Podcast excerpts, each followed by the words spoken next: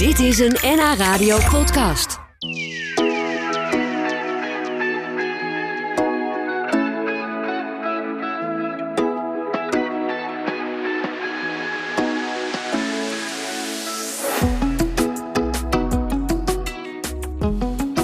Lijkt wel een soort sprookje. Het verhaal van duiker Hugo Raven uit Andijk. Het sprookje van de oude scheepsbel en de koningen.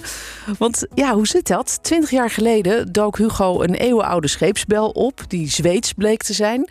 En afgelopen dinsdag is die bel overhandigd aan de koning van Zweden... door onze koning Willem-Alexander. En Hugo was daarbij, samen met zijn vrouw Milja. Ik vind het heel leuk dat jullie nu meteen hier zitten... want jullie zijn eigenlijk nog maar net terug... Uh, wat doe je aan als je weet dat je twee koningen en koninginnen gaat ontmoeten? Hebben jullie daar nog over nagedacht van tevoren? Wat nou, voor je? Ja? Uh, we, we, zijn uiteraard wel even een, uh, een pak gaan kopen. Dat was wel leuk.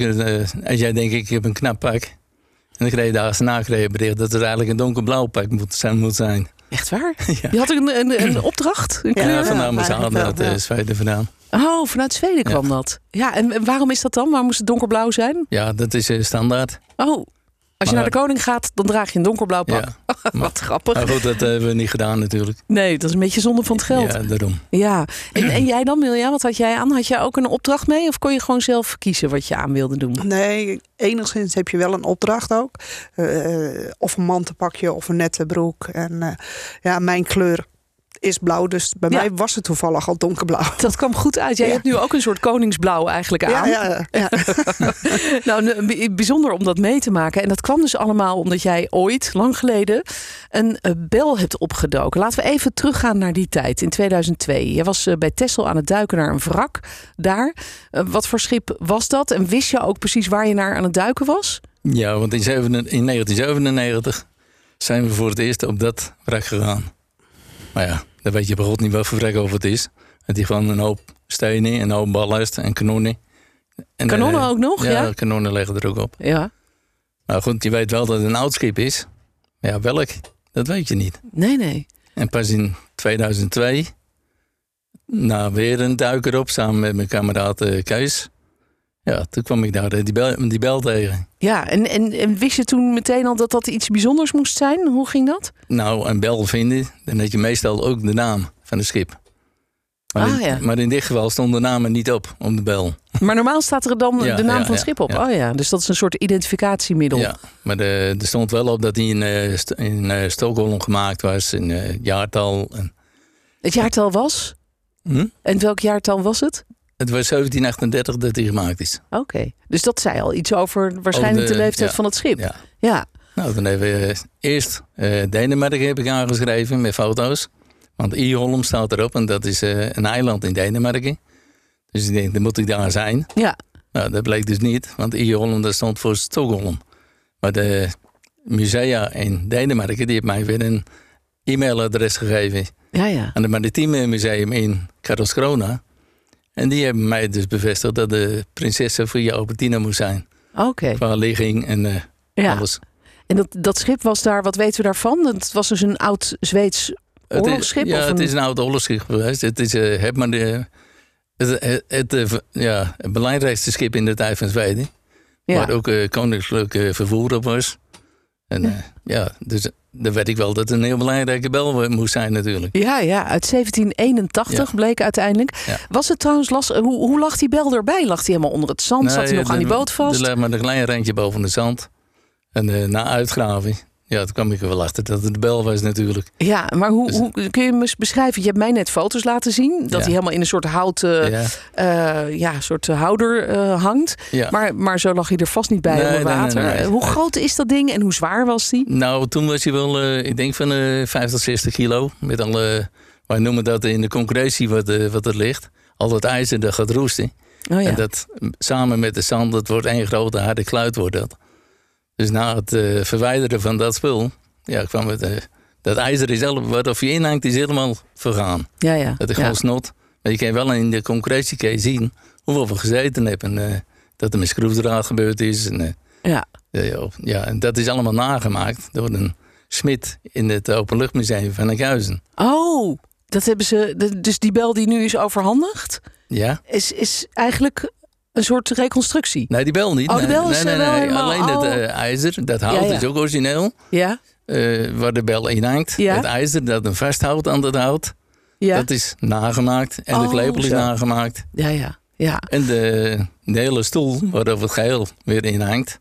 Dat is weer gemaakt door een molenmaker. Zo hé. Dus eh, Ja, daar is wel even wat tijd in gestopt. Maar ik kan me voorstellen, ik weet niet hoe dat is als je aan het duiken bent en je vindt zoiets.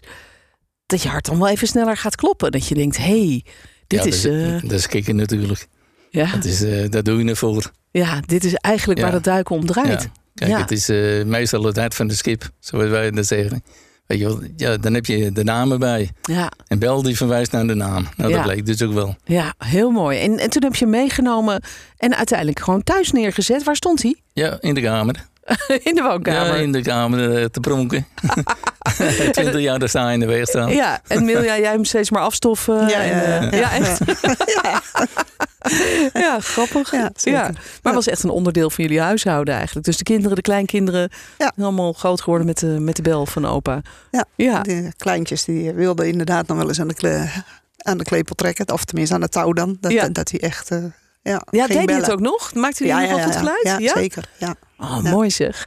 En eh, nou ja, uiteindelijk is hij nu dus terug in Zweden. Zo dadelijk dan eh, wil ik graag horen hoe dat dan is gekomen. Want eh, ja, hij stond dus twintig jaar lang gewoon gezellig bij jullie in huis. En nu is hij weg.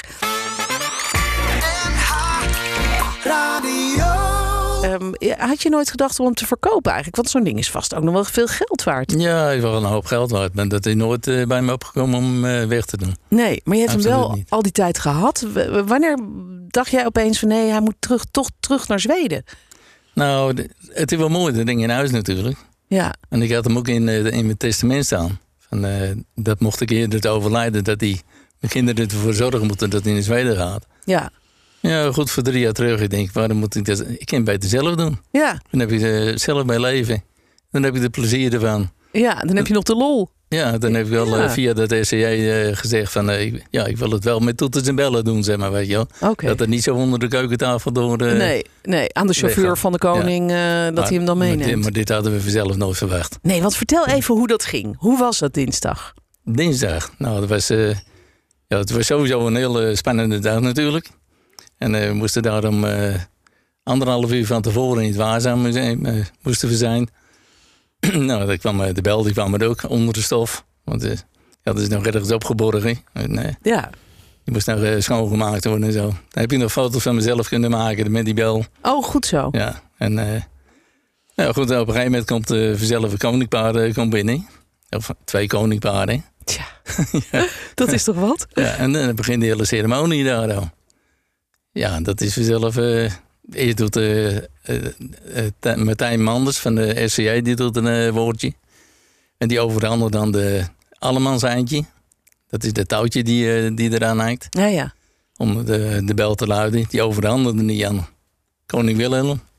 En die geeft hem weer aan koning Gustaf. Nou, en die geeft hem aan de... Minister van Defensie. ja, aan de minister van Defensie. Oh ja. En die, ja, je zet dan dat allemaal eindje erop. En nog een keertje luiden daar. Oh ja.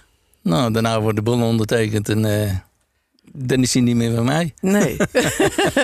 en jij- stond er met je neus, of jullie stonden er met je neus bovenop. Jullie zaten dat allemaal te volgen. Hebben jullie toen, heeft, de, heeft de koning daarna nog gezegd van... eh, nou, eh dankjewel uh, Hugo. Ja dat, ja, dat was ook heel bijzonder hoor. Want het, meteen al dat uh, Martijn Manders zijn woordje deed.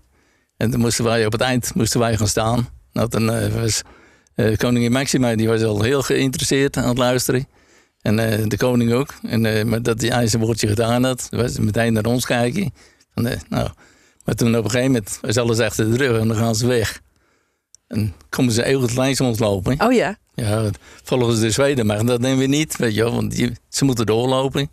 Maar hij kwam wel regelrecht naar ons toe, een hand geven en hartstikke bedankt. En, Oh ja. De koning van Zweden werd erbij gehaald en eh, ook de koningin eh Sylvia. Dat- ja, het was gewoon echt eh magnifiek gewoon. Sta je Dus, daar opeens de hand te schudden van een paar koningen en koninginnen. Ja, toen hadden ze er even scheid aan dat ze doorlopen moesten ze. Maar, Wat mooi zeg. Ja. ja. heb je nog iets kunnen terugzeggen? Heb jij nog iets uitgewisseld met ze? Of Ja, was het- ja, ja, het was gewoon even, ja, hij praatte niet Engels omdat de rest het ook eh moet horen. maar gewoon eh, bedankt en al dat soort dingen. Ja. Nou, wat mooi zeg. Dat was heel bijzonder. Ja, een, moment dat je nooit meer zal vergeten in je leven, denk ik. Nee, nee, nee, nee. En dat allemaal dankzij die scheepsbel. Ja, inderdaad. ja. En, en, en toen vertelde je dat, je, dat jullie eh, Willem-Alexander daarna ook nog weer even hebt gezien. De dag later bij, de, bij een soort, eh, ja, Ja, bij de cultuurtafel noemen ze dat. Ja. Dat zijn eh, mensen die wonen en werken in Zweden.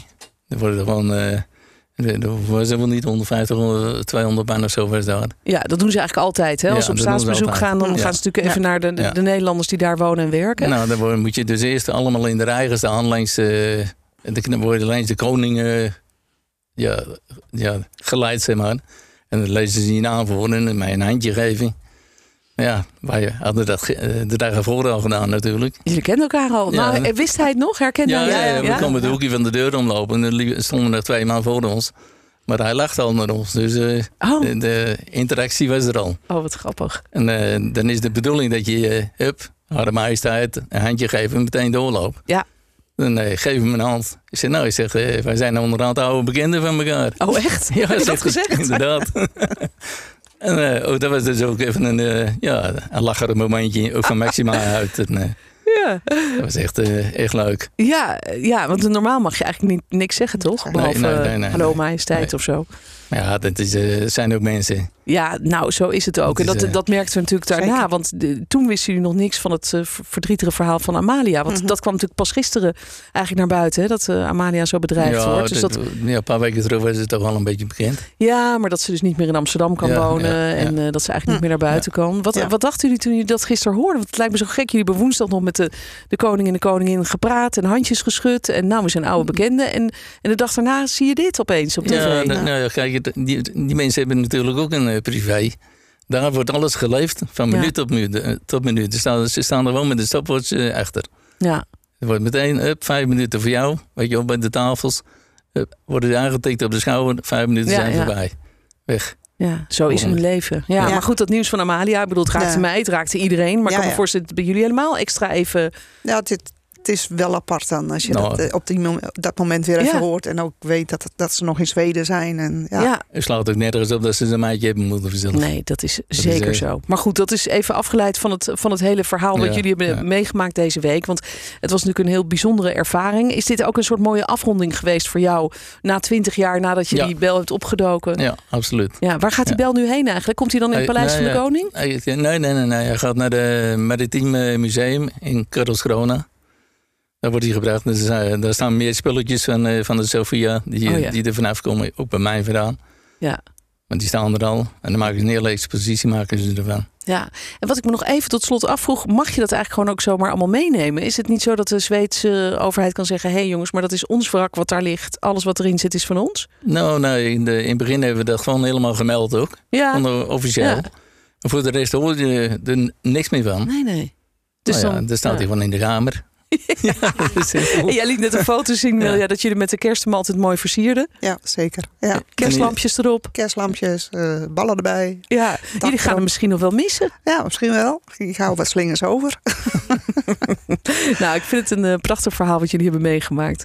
En ik vind het heel leuk dat jullie even hier waren om, eh, om daarover te vertellen. Ja, Jullie avontuur in Zweden. Ja. Ja. Super bedankt daarvoor. En eh, nou, eh, veel eh, succes als je weer gaat duiken, Hugo. Ja, naar de volgende bel. Ja, op naar de volgende bel. Hugo Raven en zijn vrouw Milja hoorde je. Dit was een NH Radio podcast. Voor meer, ga naar nhradio.nl. Radio.